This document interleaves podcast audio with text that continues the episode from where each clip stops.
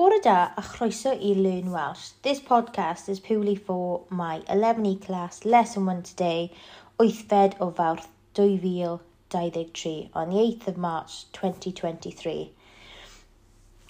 So guys, for today's lesson, I want us to look at a mat. I recorded a separate podcast which will be on a link in Google Classroom, which you should hopefully see. I took through all the information, how to respond to everything. Please practice writing the response in your book. The success criteria is exactly the same. So look in your books and make sure that you include everything in the success criteria. The steps are basically the same.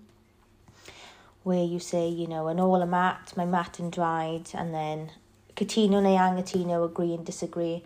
Express your opinion.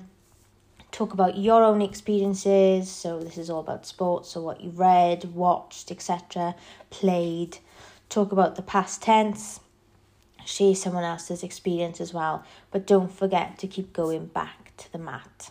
That is very important. Use the mat as the structure, do not go off on a tangent. Please feel free to message me on Google Classroom. I'm here to help you all day.